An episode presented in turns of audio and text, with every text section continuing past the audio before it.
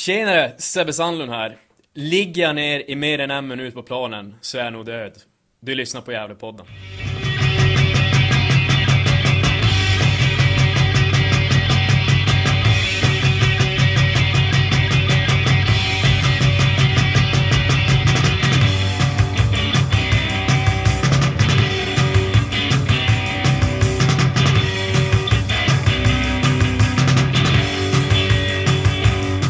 hallå allesammans och hjärtligt välkomna till Gävlepodden nummer 154.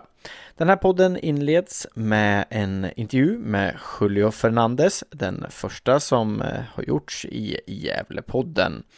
Efter detta får ni höra Marcus Bengtssons tankar efter den tunga 4-2 förlusten mot eh, BK Forward.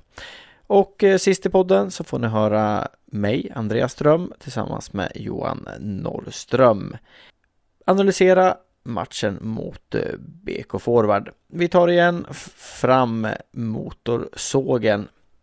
Gävlepodden görs av mig, Andreas Ström, tillsammans med Johan Norrström, Hugo Ådvall och Niklas Backlund. Jag har också hjälp av eh, Per Magnusson nere i Örebro. All redigering görs som vanligt av mig, Andreas Ström. Vi vill också att du blir en Patreon till eh, oss i Gävlepodden. Då går du in på www.patreon.com Gävlepodden. Där får man eh, tillgång till intervjuer och eh, annat lite före alla andra. Du gör också en god sak då du hjälper oss att eh, skaffa bättre utrustning och förhoppningsvis göra bättre poddar. Vi finns eh, också på Twitter, på Facebook och nu också på Instagram. Och där heter vi Gävlepodden. Det är bara att söka efter oss på Twitter, Facebook och eh, på Instagram. Med det sagt så vi hoppas att ni får en god lyssning.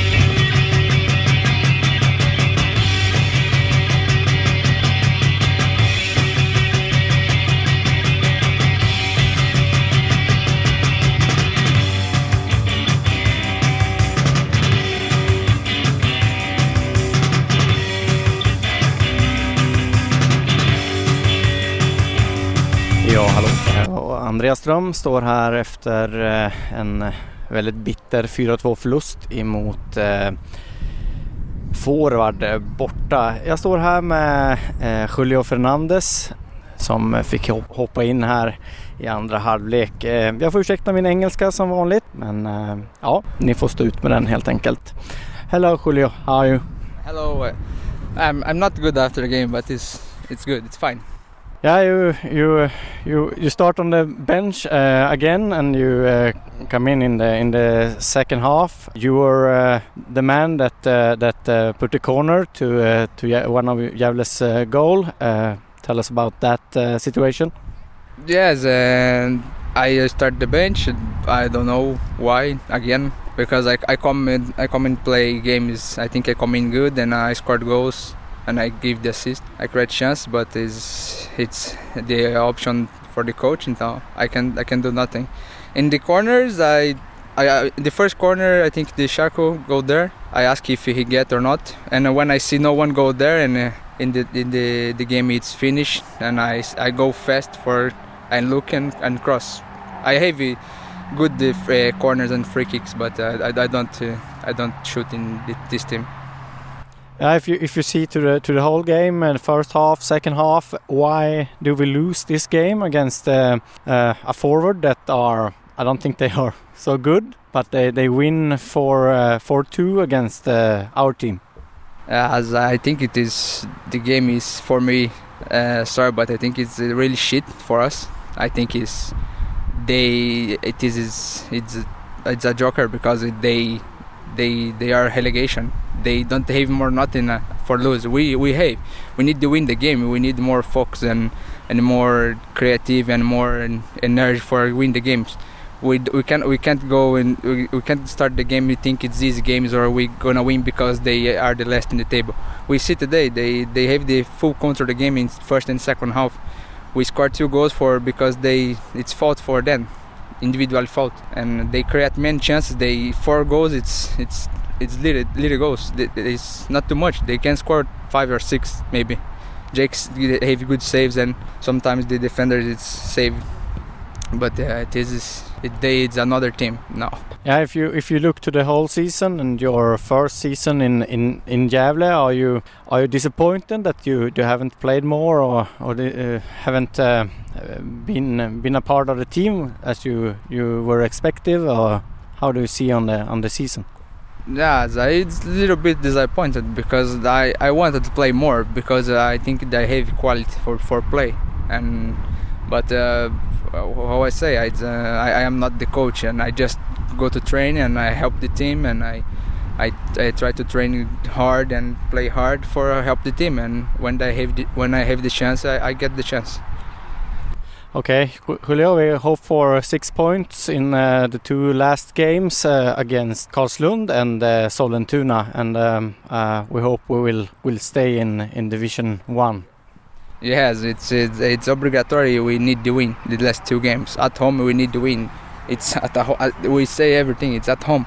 We need to win the games at home, and and in this situation we need to win every games now. We we don't uh, we can't lose the focus or or uh, try to mean the another thing. We need tra- training hard this this week and uh, next week and prepared for the game. We need we need to win the game. It's uh, it's important games. Now we we lose the chance here. If you win, it's more more more easy for next games. But now we need to play for six points both games. Yeah, Gävlepodden hope you will start uh, two last games and and uh, we are in, on your side, Julio, and we, we want to see you on the on the field and not on the bench. Yes, I hope start because in last two games I helped with two goals and I think it, I hope start, but it's uh, his decision for for the coach and uh, I just come to train and I give my 100% and my maximum. I try to to be good, but I, I, for if you ask for me, I don't understand because I, I, I think I can play. But uh, I respect my my friends in the team and the players, but uh, it's not my decision. Okay, good luck, uh, Julio. Thank you for the for the interview.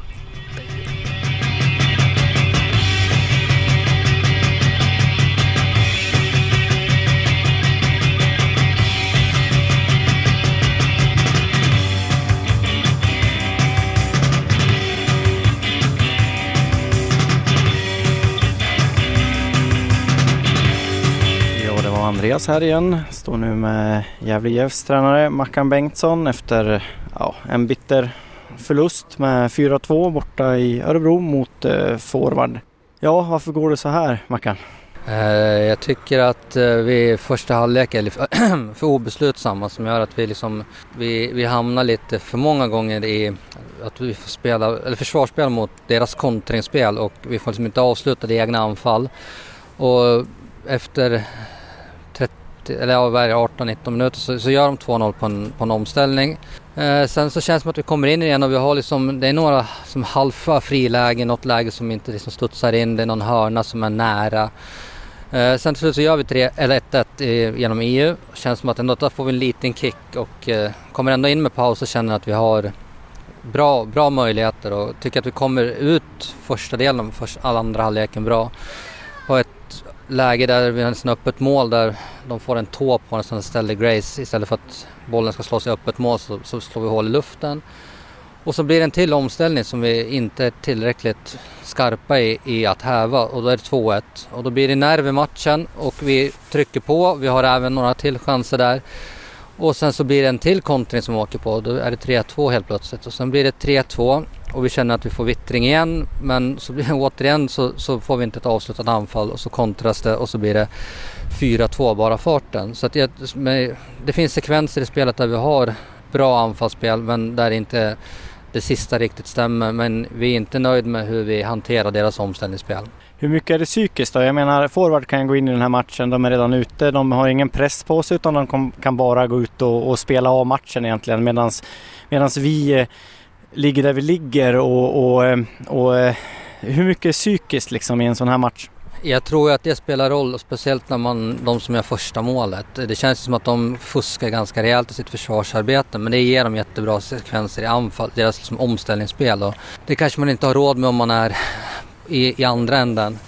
Och eh, då, då det känns som att de är rätt obrydda på ett sätt liksom. Men jag tror när det blir 1-0 till dem så känner vi att pulsen går upp lite och vi gör 1-1 och sen när det blir 2-1 så går det ner igen. Så jag tycker våra, känsl våra känslokontroll är lite, det kanske är så att läget påverkar det helt enkelt. Ja, och nu, nu har vi två matcher kvar här och, och, och kämpa om, om, om, poängen och vi, vi ligger på lite skralt till på, på kvalplats.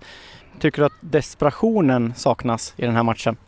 Nej, alltså jag tycker att, att vi, vi det är mer att vi nästan är för ivriga att kliva framåt och vill liksom göra de här målen som gör att vi hamnar snett till i, i läge två. Och då blir det sådana matcher där, bollen och lagen springer fram och tillbaka i tid och otid och forward är bättre än oss på det spelet. Eh, så att det, det känns ändå som att vi försöker och vi får den där känslan av att där vi 3-2, att nu jäklar, nu kan vi nog både kvittera liksom och, och få matcher igen. Och då gör vi att vi kliver fram med ännu mer folk i den desperationen och så blir det att det blir en omställning därefter istället. Ja, um, vi, vi får hoppas på, på tre poäng mot uh, Karlslund uh, i nästa hemma på Gavlevallen och så får vi helt enkelt lägga det här bakom oss. Ja, det är viktigt att försöka gå vidare i och med att det är tuffa och viktiga matcher framöver. Men det, det är som sagt, det är surt just nu. Gävlepodden tackar Mackan Bengtsson för, för intervjun och lycka till. Tack. tack.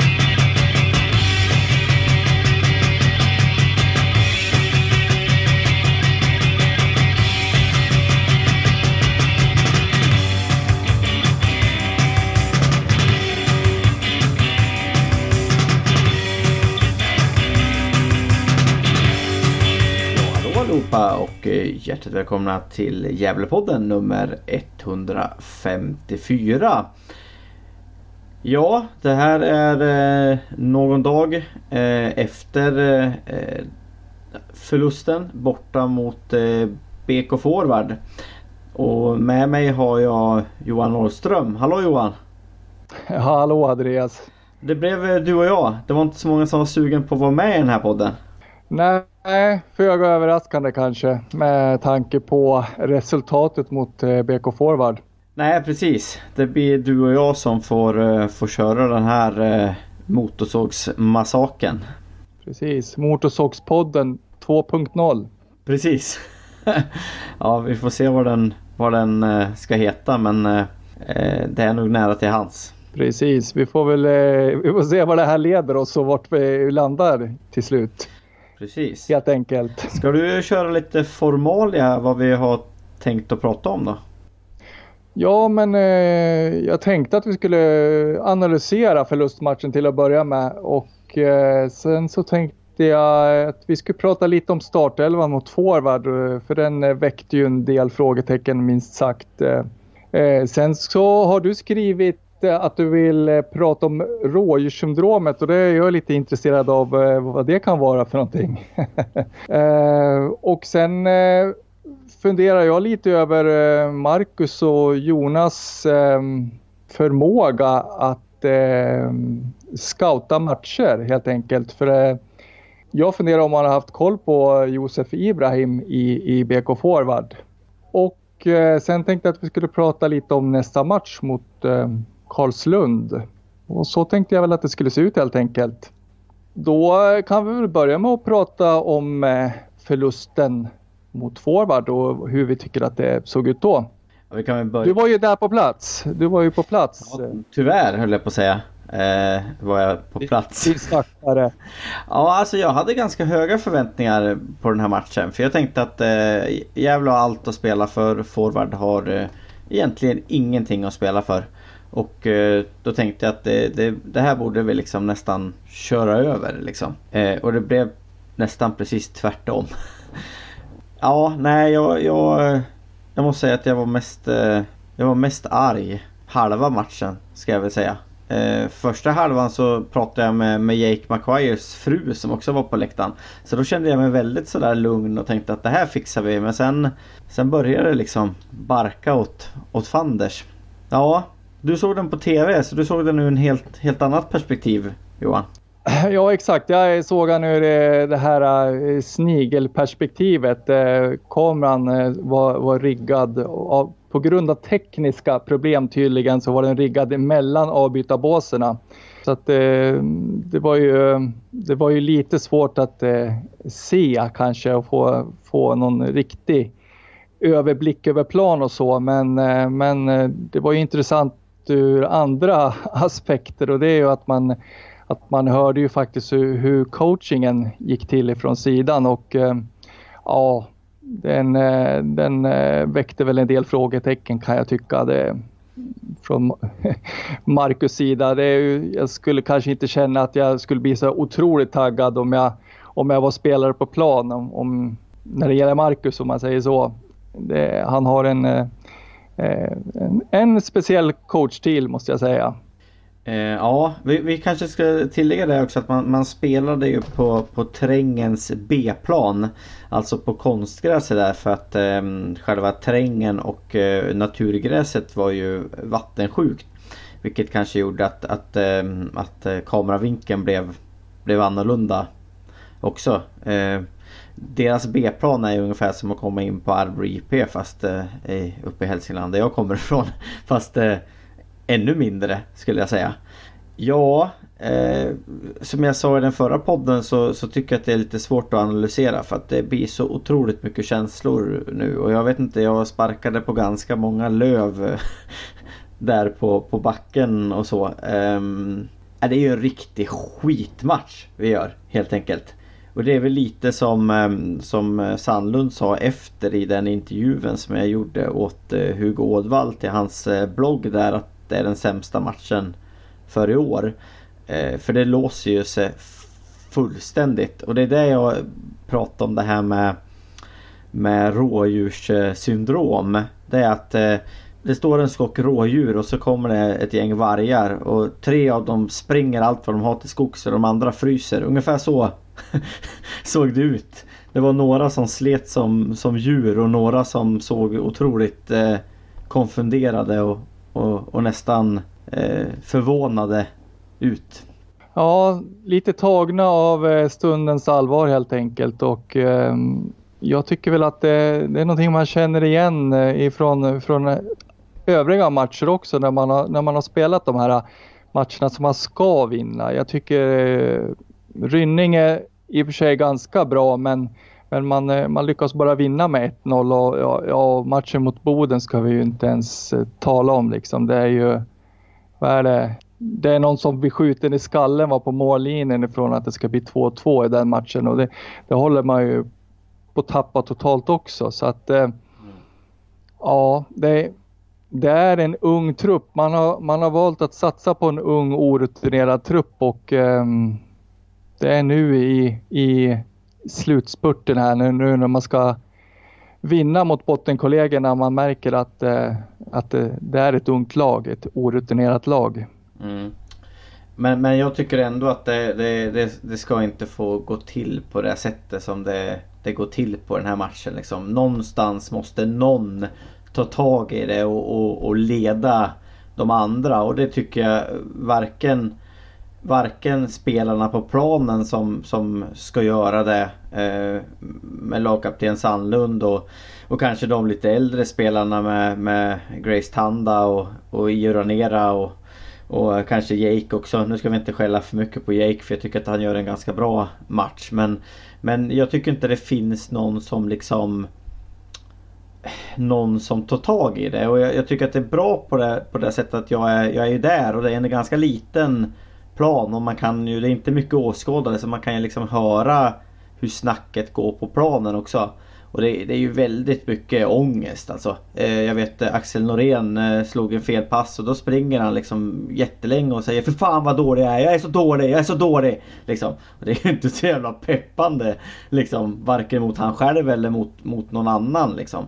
Och det var mycket gnäll och, och klagomål spelare emellan och sådär det är klart att det blir ju, det är ju kniven mot strupen men jag menar någon måste ju liksom ta tag i det då och leda trupperna och, och, och försöka vända det till någonting positivt. Det blir ju liksom Det blir ju bara ångest och så rakt ner i, i helveteskapet liksom.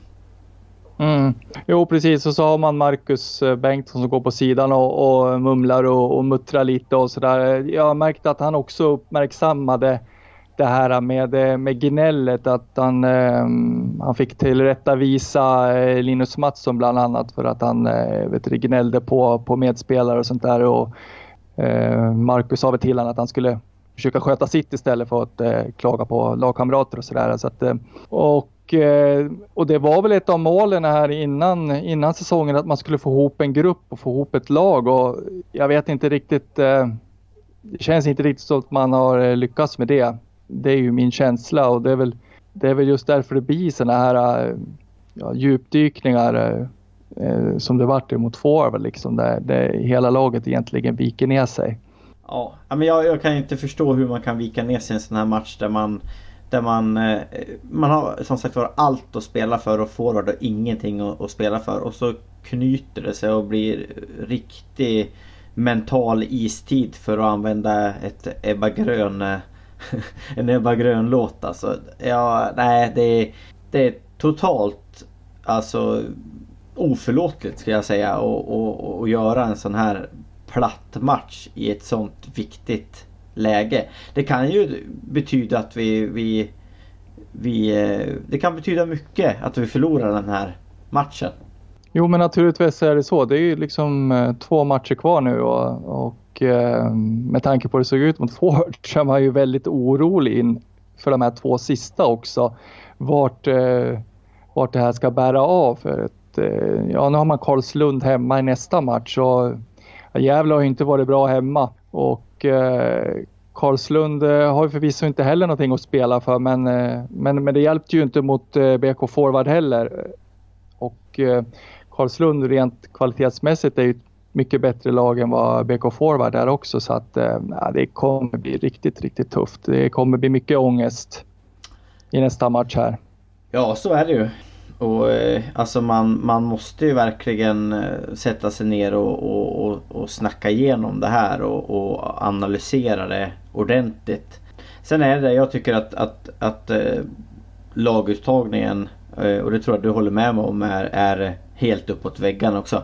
Man sätter inte in en, en 16-åring på, på, på den kanten mot det motståndet i en sån här viktig, viktig match. Eh, eh, Linus Mattsson har framtiden för sig och, och han, han kan nog bestämma själv. Det är upp till honom hur bra han, han kan bli. Han skulle kunna bli en landslagsspelare för, för Sverige. Men, men just nu så är han, är han 16 år och har ganska lite eh, erfarenhet av eh, seniorfotboll. Eh, och eh, i det här läget som vi är, jag tycker att det är orespektfullt av Mackan att ta ut honom. Dels mot honom själv och sen tycker jag att man undervärderar motståndet då. Eh, jag tycker inte att han skulle ha spelat där i den här matchen.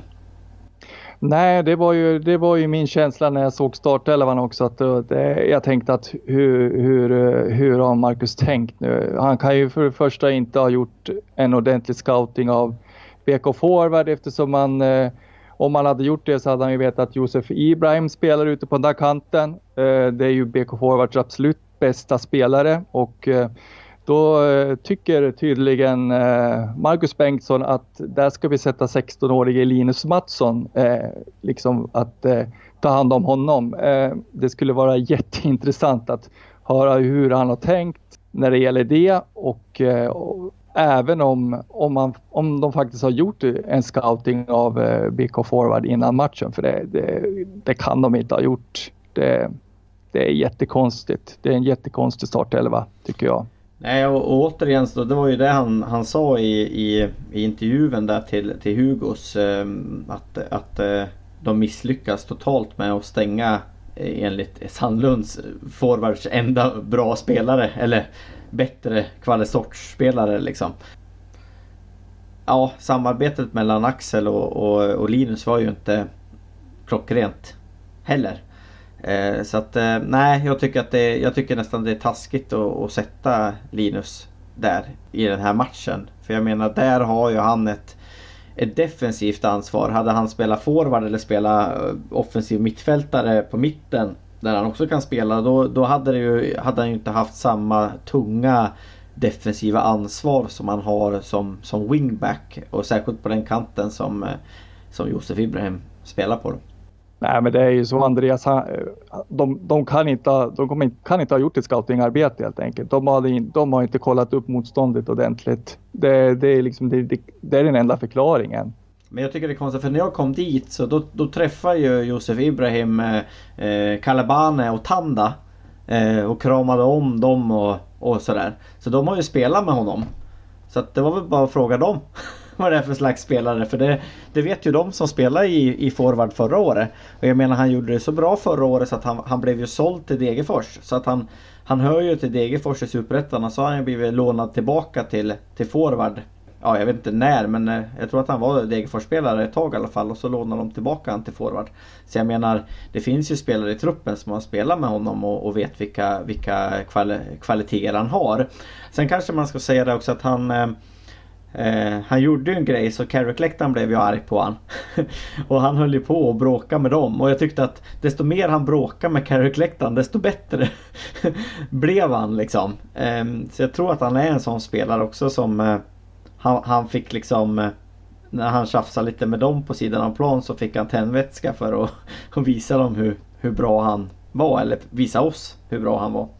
Så att ehm, Ja, nej, jag tycker att det är, det är, en det är en svag eh, laguttagning. Jag hade gärna haft, eh, haft en, en, en defensiv riktad wingback där istället. Ja, helt klart. Jag håller med dig. Ja, ja precis. Mm. Jag, jag, håller med dig till, till 100 procent där. Sen så vet du, funderar jag lite på också. Det är ju bytena som kommer nog otroligt sent. Och, så är det ju nästan i varje match eh, tycker jag. Eh, nu fick Al-Hassan 10 minuter exempelvis. Va? Eh, Fernandes fick, vad fick han, 17-18 minuter. Mm. Och så kom Berggren in också och fick 10-11 minuter eller något sånt där. Ehm, I, i, eh, I ett läge där man, där man egentligen kanske behöver eh, Ja, man skulle behöva ha in lite ny energi mycket tidigare. Va? Man ligger ju under. Jag, jag förstår inte varför vad man gör de här bytena så sent. Och Al-Hassan han, han är ju, fick 10 minuter och efter 6 minuter på plan så fick han, gjorde han mål. Ja men jag tycker att man, eh, man borde ju borde ha bytt. Eh, jag vet inte riktigt när, när eh, Fernandes kom in men de, de gör ju 3-1 där i, i 77 och, och då skulle man kanske ha gjort ett dubbelbyte direkt för att, för att liksom för att satsa tok offensivt. Men ja, som vanligt så, så jag tycker att bytena kommer, de kommer för sent och sen kan jag inte förstå varför vissa spelare inte är på planen från början. För jag menar eh, Al-Hassan är ju otroligt effektiv. Han, för, på de, jag vet inte vad han har spelat nu, 45 minuter kanske har han ju ändå gjort två mål. Så att eh, han gör ju mål. Eh, snittet är, han gör ett mål varje 22,5 minut. Så att, eh, och det är ju ganska bra snitt då. Det är det ju verkligen och eh, vi behöver ju ha spelare på, på plan som kan göra mål, alltså offensiva spelare. Med, med tanke på hur eh, det, lagets anfallsspel ser ut så känns det som att man, man behöver ju man behöver ha nya idéer där uppe. Och, och eh, det känns liksom som att Rojas och Tanda de har de har kört fast. Och jag vet att jag var inne på, på det redan förra matchen. Eh, jag vet att ni höll väl eh, inte riktigt med mig men, men ändå på något vis att, eh, att samarbetet Rojas-Tanda det är liksom inte, det är inte klockrent. Jag vet inte om det var någonting du tänkte på nu i, i matchen mot BK Forward? Nej, alltså man... Följer man Tanda tycker jag så, så är ju han sällan där man vill att han ska vara. Jag menar med hans storlek och, och, och liksom så vill jag gärna ha han inne i boxen eh, så mycket som möjligt. För att kunna knoppa in dem och, och liksom han är, han är ju stor och jobbig att möta men men ofta så är han liksom ute på en kant eller nere vid en hörnflagga eller liksom han är, han är liksom inte där jag, jag förväntar mig att en, en Gävles tilltänkta målskytt ska, ska vara. Utan det känns som att han, han, han tar för stor del i, i spelet på något vänster. För jag tänker ju att, att, att de vill väl att, att egentligen att, um, att Rojas ska vara den som fördelar boll. Alltså den forwarden som, som tar emot boll först. Men, men ofta så blir det Tanda som gör det också. Vilket gör att jag frågasätter ju anfallsspelet igen. Vad, vad tanken är. Hur har man tänkt egentligen? Eh, för att återigen, jag ser inte riktigt några röda, röda trådar liksom. Nej, nej, jag håller med och eh, det var ju en sak som jag eh, satt och tänkte på eller reagerade också. Marcus, eh, han eh, ropar ju på, på Tanda att han ska gå ner och, och, och lira mera som target. Och eh, han, eh, han eh, flyttar ju förvisso ner men, men det, det, tar ju bara fem minuter så har han ju liksom glömt de där instruktionerna. Så, så här är han ju liksom all over igen. Han är ute på kanten. Han är ute vid hörnflaggan en gång vid, när det kommer ett inlägg från den andra sidan. Och som sagt, eh, därifrån är det ju hemskt svårt att göra mål. Så att, nej, jag vet inte. Det, det känns som att vi måste, vi måste ge några andra chansen uppe på topp helt enkelt. Ja precis. Min eh, älskade fru ringde mig här när du gjorde din utläggning. Eh, hoppas det inte störde för mycket. Eh, nej, eh, och det där känns ju som att det går igen lite för det finns ju fler spelare i, i Gävle som man känner kanske inte följer följer instruktioner till, till punkt och pricka. Men jag är ju Jag gillar ju Tanda liksom men eh, jag, jag är ju väldigt öppen för att prova en annan anfalls besättning i, i de här två sista matcherna. Jag är ju för att man skulle försöka få, få lite speed i det hela och då tycker jag att eh, då skulle man prova andra forwardsalternativ. Eh, jag skulle till och med vilja att de ja, satte in Al Hassan och, och Fernandes och satte ner Tanda på en, på en offensiva mittfält eh, i, istället. Mm, Menar såklart Rojas och inte Tanda och kanske flyttade, flyttade ner Calabane till, till mittbacken igen då. Ehm, det var ju en eh, intressant re reflektion. Jag kommer inte ihåg vem det var som hade det nu, får ursäkta den som skrev det men eh, att eh, Norén och eh, Calabane har svårt att spela ihop för att de är eh, de är eh, först eh, mittbackar bägge två. Och det tyckte jag var en intressant eh, reflektion också.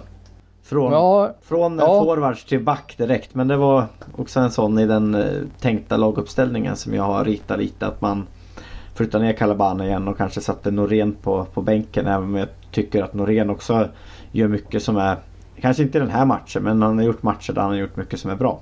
Mm. Ja, eh, jag skulle nog vilja ha Calabane på, på mittfältet. Eh, helt enkelt. Tillsammans med, med Ranera och Sandlund skulle jag vilja ha. Och så spela Persson och eh, Norén som, eh, som mittbackar. Med Louie Ja, med Louie. Mm. För, eh, för just att eh, jag tycker att när Calabane spelar på, på mitten så vinner vi bollar högre upp i planen. Mm. Men, men i övrigt så, så, tycker jag, håller jag med om att jag skulle vilja ha Al-Hassan och, och Fernandes på topp i, i nästa match. Men vem av Rojas och Io sätter du på bänken då? Då, eh, då sätter jag Rojas på bänken. Mm. Vår bästa målskytt? Yes. Okej. Okay. jag, tycker, det... ja, men jag tycker inte han har varit så bra nu de här, de här sista matcherna. Utan, eh, han har väl ägnat sig mest åt att eh, springa och tappa bollen. Så att, eh, varför inte varför inte liksom eh, starta på bänken och sen så få hoppa in och, och göra mål då mm. förhoppningsvis.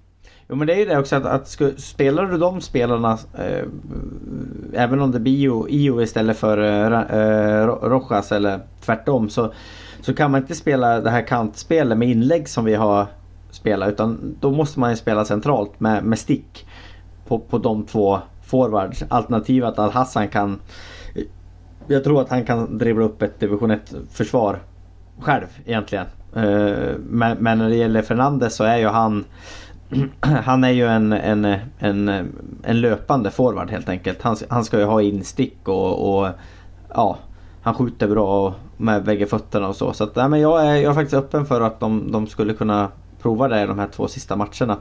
Eh, nu förstår ju både du och jag att det kommer inte att hända utan vi kommer ju att traggla på med det spelare vi har spelat i de, i de två sista, eller hela säsongen i de två sista matcherna också.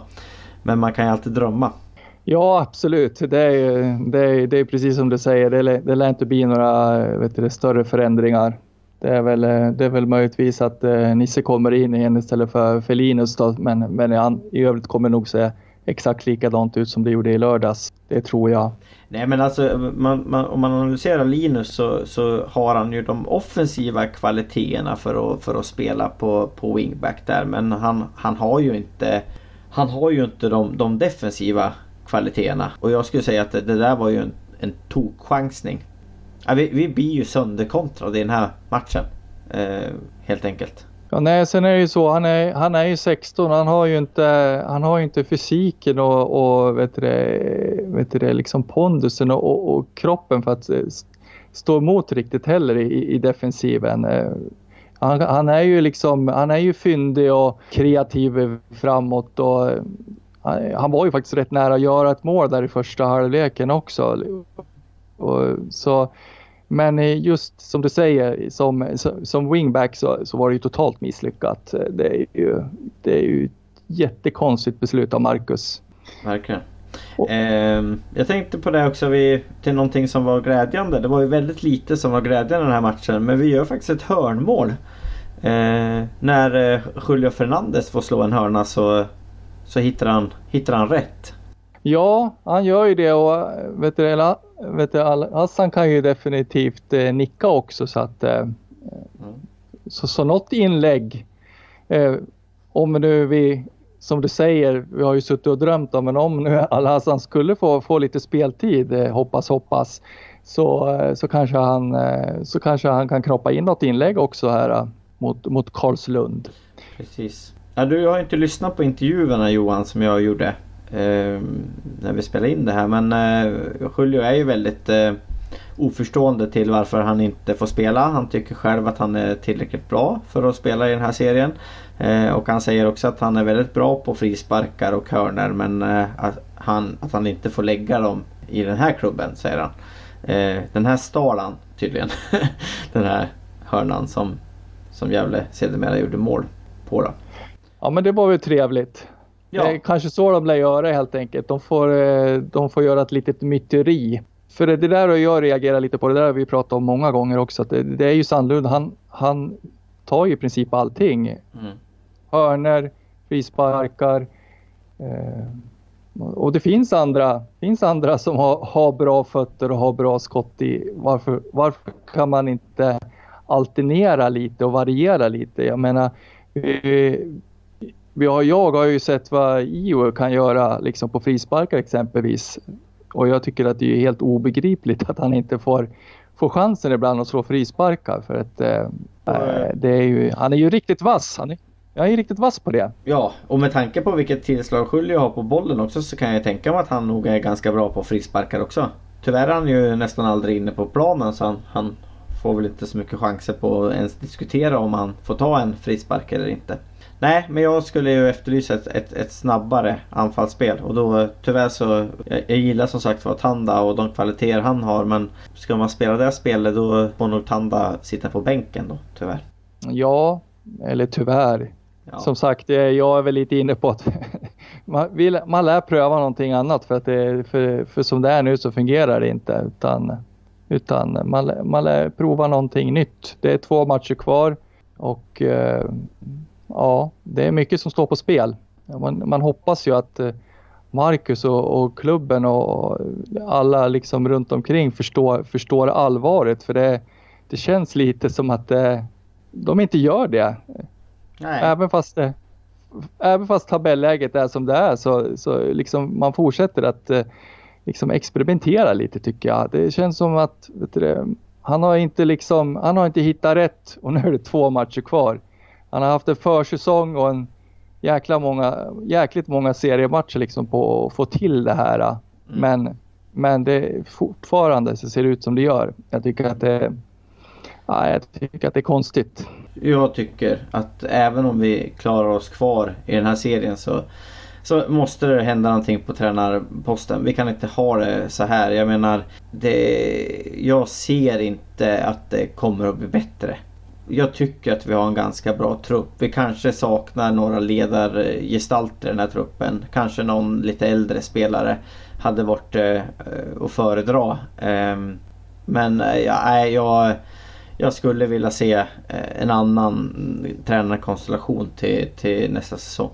Alltså, komma ihåg det också att det här är ju Marcus lagbygge så det finns ju liksom inga ursäkter heller. Liksom. Ja visst det, det saknas en eh, ledargestalt, en, lite äldre, mer erfaren spelare men eh, jag vet inte om, eh, om, man, om man sökte någon sån eller eh, för att eh, det lät ju ändå som att, eh, att han var ju ganska nöjd. Eh, det skulle vara unga spelare, utvecklingsbara spelare som, eh, som ville komma till Gävle och ville vara här och, och så vidare. Och ja, men det här är ju hans lagbygge så att det, det går ju liksom inte att prata bort det heller. Det gör det ju inte.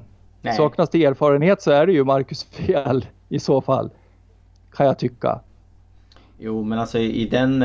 Jag hade ju velat att någon höjde rösten och alltså manade på liksom. Skrek lite och levde om lite och var lite frustrerad och förbannad och, och liksom visa lite passion. Det är ju, det finns ju liksom, du, man kan se det hos vissa spelare liksom som jag inte ska gå in för mycket på. Men, men eh, nej jag vet inte, det är liksom sådär eh, ja, en besvikelse. En, en, en sån där besvikelse som inte skriks ut utan som sväljs ner. Så kändes det lite. Eh, sen ska man berömma, jag, jag, ska berömma Grace Tanda som direkt efter slutsignal går och pratar med Carrick-läktaren och där står han kvar. Jätte, jättelänge och pratar med dem. Vet inte vad som sägs för jag går ju bort och ska göra intervjuer då men, men eh, han står där länge och, och diskuterar liksom, eh, med dem. Eh, och det tycker jag är fint ändå att han, att han gör det.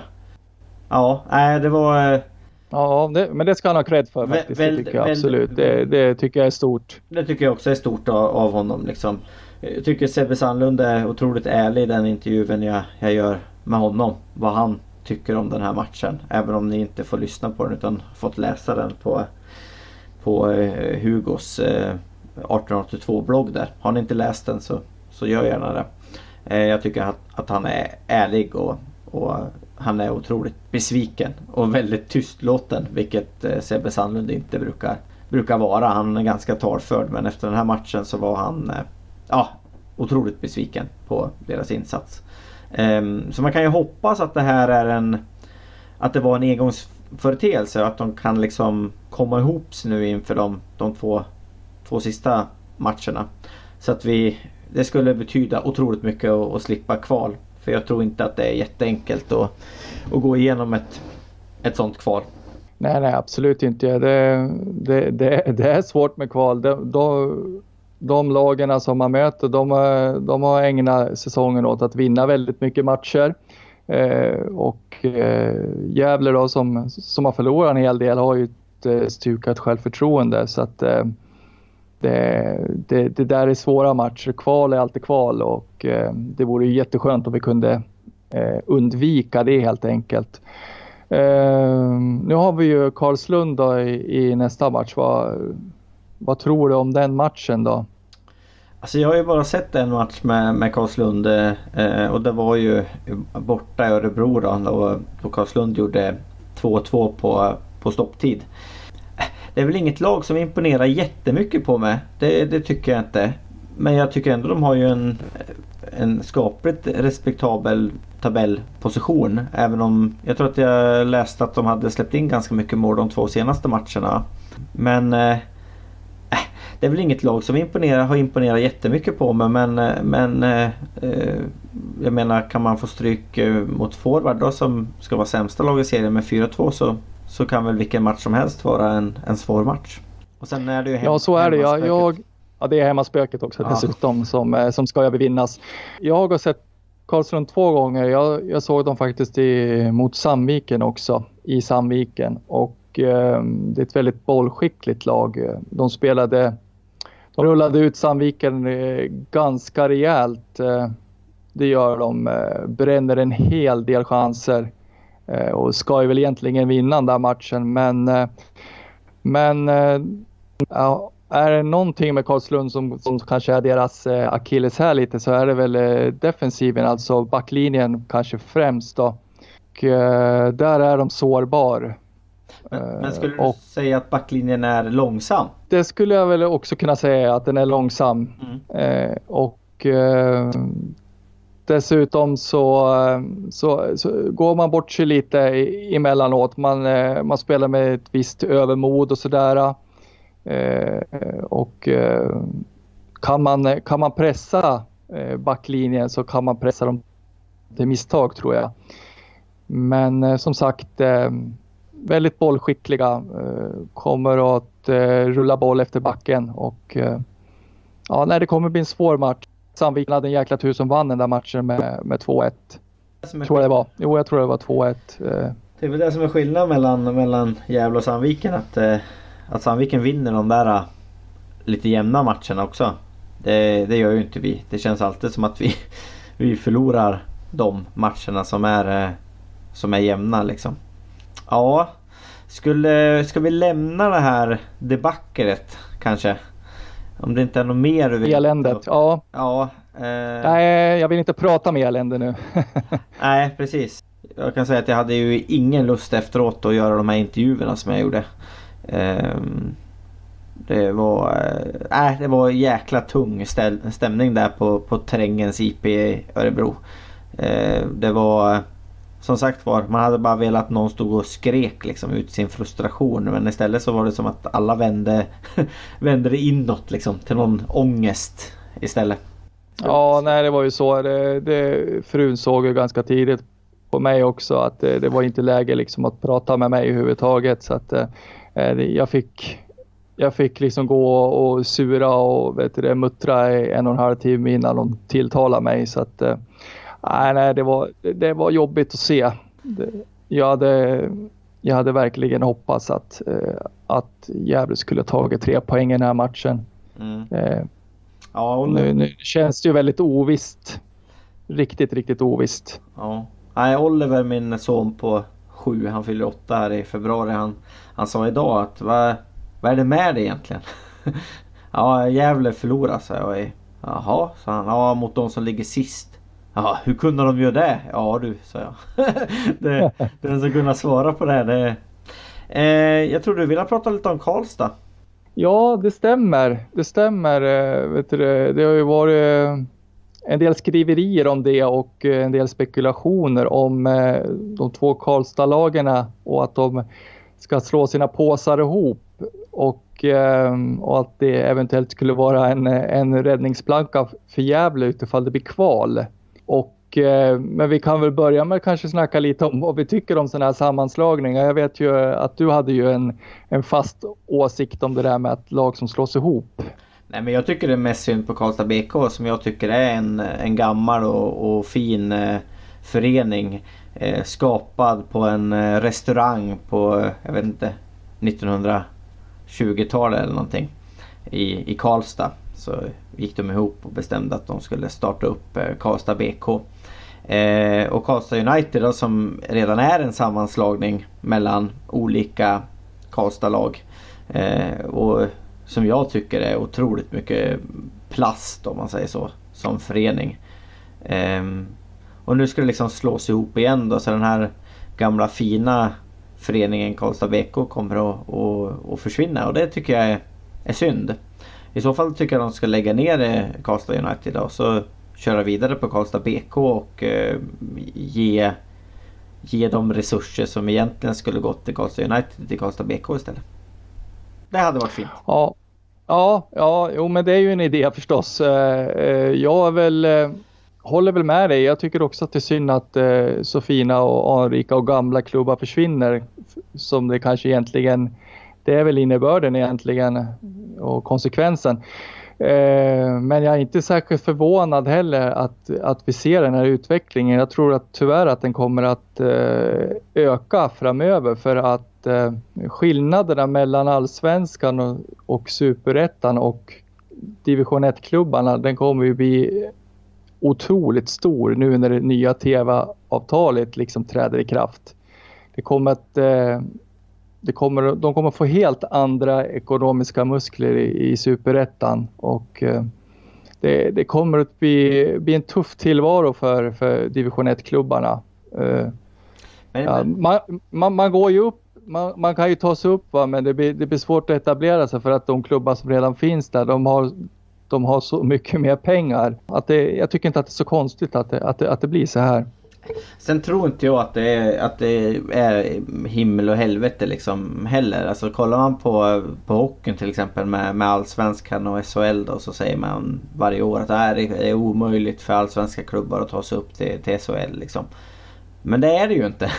För det är ju precis det där du pratade om när vi pratade om, om, om Gävles eventuella kval. Att de här klubbarna som kommer från, från division 1 och sen och ska upp. De, de har ju vunnit en massa hamnar på ett, ett, ett positivt kval medan de klubbarna från, från superettan som kanske har pengar men, men de, de eh, kommer från en negativ spiral och då är det ju ofta så att, att eh, att motivation slår klass eller vad ska man säga?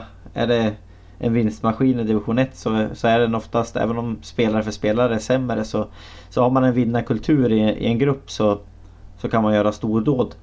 Um, sen alltså att det här med att etablera sig, det är klart att det kanske kan vara svårt då men jag menar bygger du, bygger du en grupp på, på en, en, en olika mentaliteter, alltså att du du får en revanschmentalitet i en grupp eller man, man, liksom, man får laget att dra åt samma håll. Då, då kan man slå spelare som, som egentligen är bättre än en. Så att jag, jag menar, har du, har du bra lagbyggare i, i division 1, bra tränare, bra coacher, bra organisationer. Då tror jag att man fortfarande kan, eh, kan lyckas. Jo, vi får ju hoppas att det, att det blir så. Eh, men jag tror nog tyvärr att, att man behöver ha eh, bra ekonomisk uppbackning om man ska lyckas etablera sig i, en högre serie. Och att det, och att det, kommer, att, eh, att det kommer att bli vanligare, att det, att, eh, att det kommer att bli så liksom att, att man behöver det. Det kommer att bli vanligare och vanligare. Och att, eh, jag tror att vi kommer att få se fler sådana här plastlag tyvärr ploppa upp. Ja. Men sen kan man ju liksom prata om hela, hela, hela grejen liksom så är det, ju, är det ju idiotiskt på så sätt att de flesta elitspelare i Sverige eller om man kollar på landslag och så har ju inte liksom eh, AIK eller, eller eh, Djurgården eller IFK Göteborg som moderklubb utan de allra flesta spelare som, som blir någonting kommer från, från mindre föreningar. Eh, och, och, delas inte pengarna jämnt så då, eh, då kommer det urlakas innan det är färdigt. Och då är det frågan om vad, vad ska vi då ösa våra talanger till, till landslag och utlandsproffs och, och alltihopa ifrån. Så att det är ju en Den frågan är ju viktig liksom att, att gå vidare med. Jag menar BP blir också ett Talangfabriken BP blir också ett division 1 lag nu nästa år. Det är väl klart va? Ja, eh, jag tyckte att jag läste att det var klart nu. Ja. ja. Det, det kommer att bli väldigt mycket Stockholmslag eh, i, i division 1 överhuvudtaget. Eh, det var någon som hade räknat ut att det kunde bli upp till åtta stycken tror jag. Ja, och de kommer väl troligtvis att hamna i division 1 norra. Och jag menar Stockholmslag håller oftast eh, bra kvalitet så att eh, det blir ju jobbigare för, för Gävle IF, det, det tror jag ju. Mm. Ja, det är, det, är, det är tuffa utmaningar för, för, för, för många lag helt enkelt. Om det skulle bli så, så blir det tufft även för Gävle om de nu klarar sig kvar då.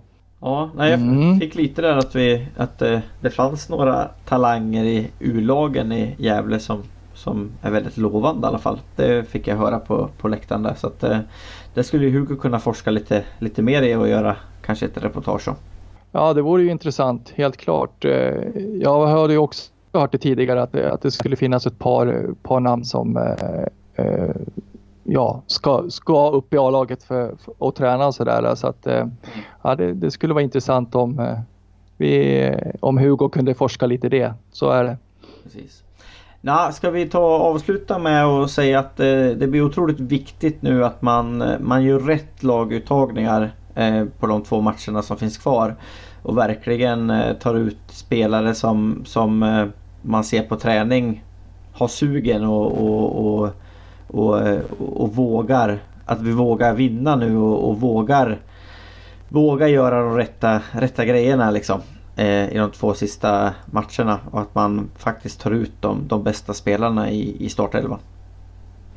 Ja, det vore verkligen, vore verkligen skönt om, eh, om eh, vi kunde få se en riktigt eh, stark startelva nu till helgen. Det håller jag med om. Mm. Ja, ska vi, ska vi avsluta? Var det något mer Johan? Något nej, nej, jag var nöjd så känner jag nog. Nu har jag, nu har jag fått prata om mig och det har varit skönt. Ja, och så ber vi alla spelare att, knyta näven nu och, och bara köra ända in i kaklet så vi, vi slipper, slipper kval och eh, helvetes kval. Ja exakt, ingen vånda, ingen vånda utan nu, nu ser vi till att eh, ta sex poäng här nu. Precis. Och fixar ett nytt kontrakt. Ja, det gör vi. Så kan vi köra vidare med podden också. Ja, det vore ju trevligt om vi skulle slippa lägga ner den. Precis. Eh, ta hand om dig Johan Norrström så hörs vi igen. Du får ha det så bra Andreas. Ha det bra. Hej hej. Vi hörs. hej. hej. hej.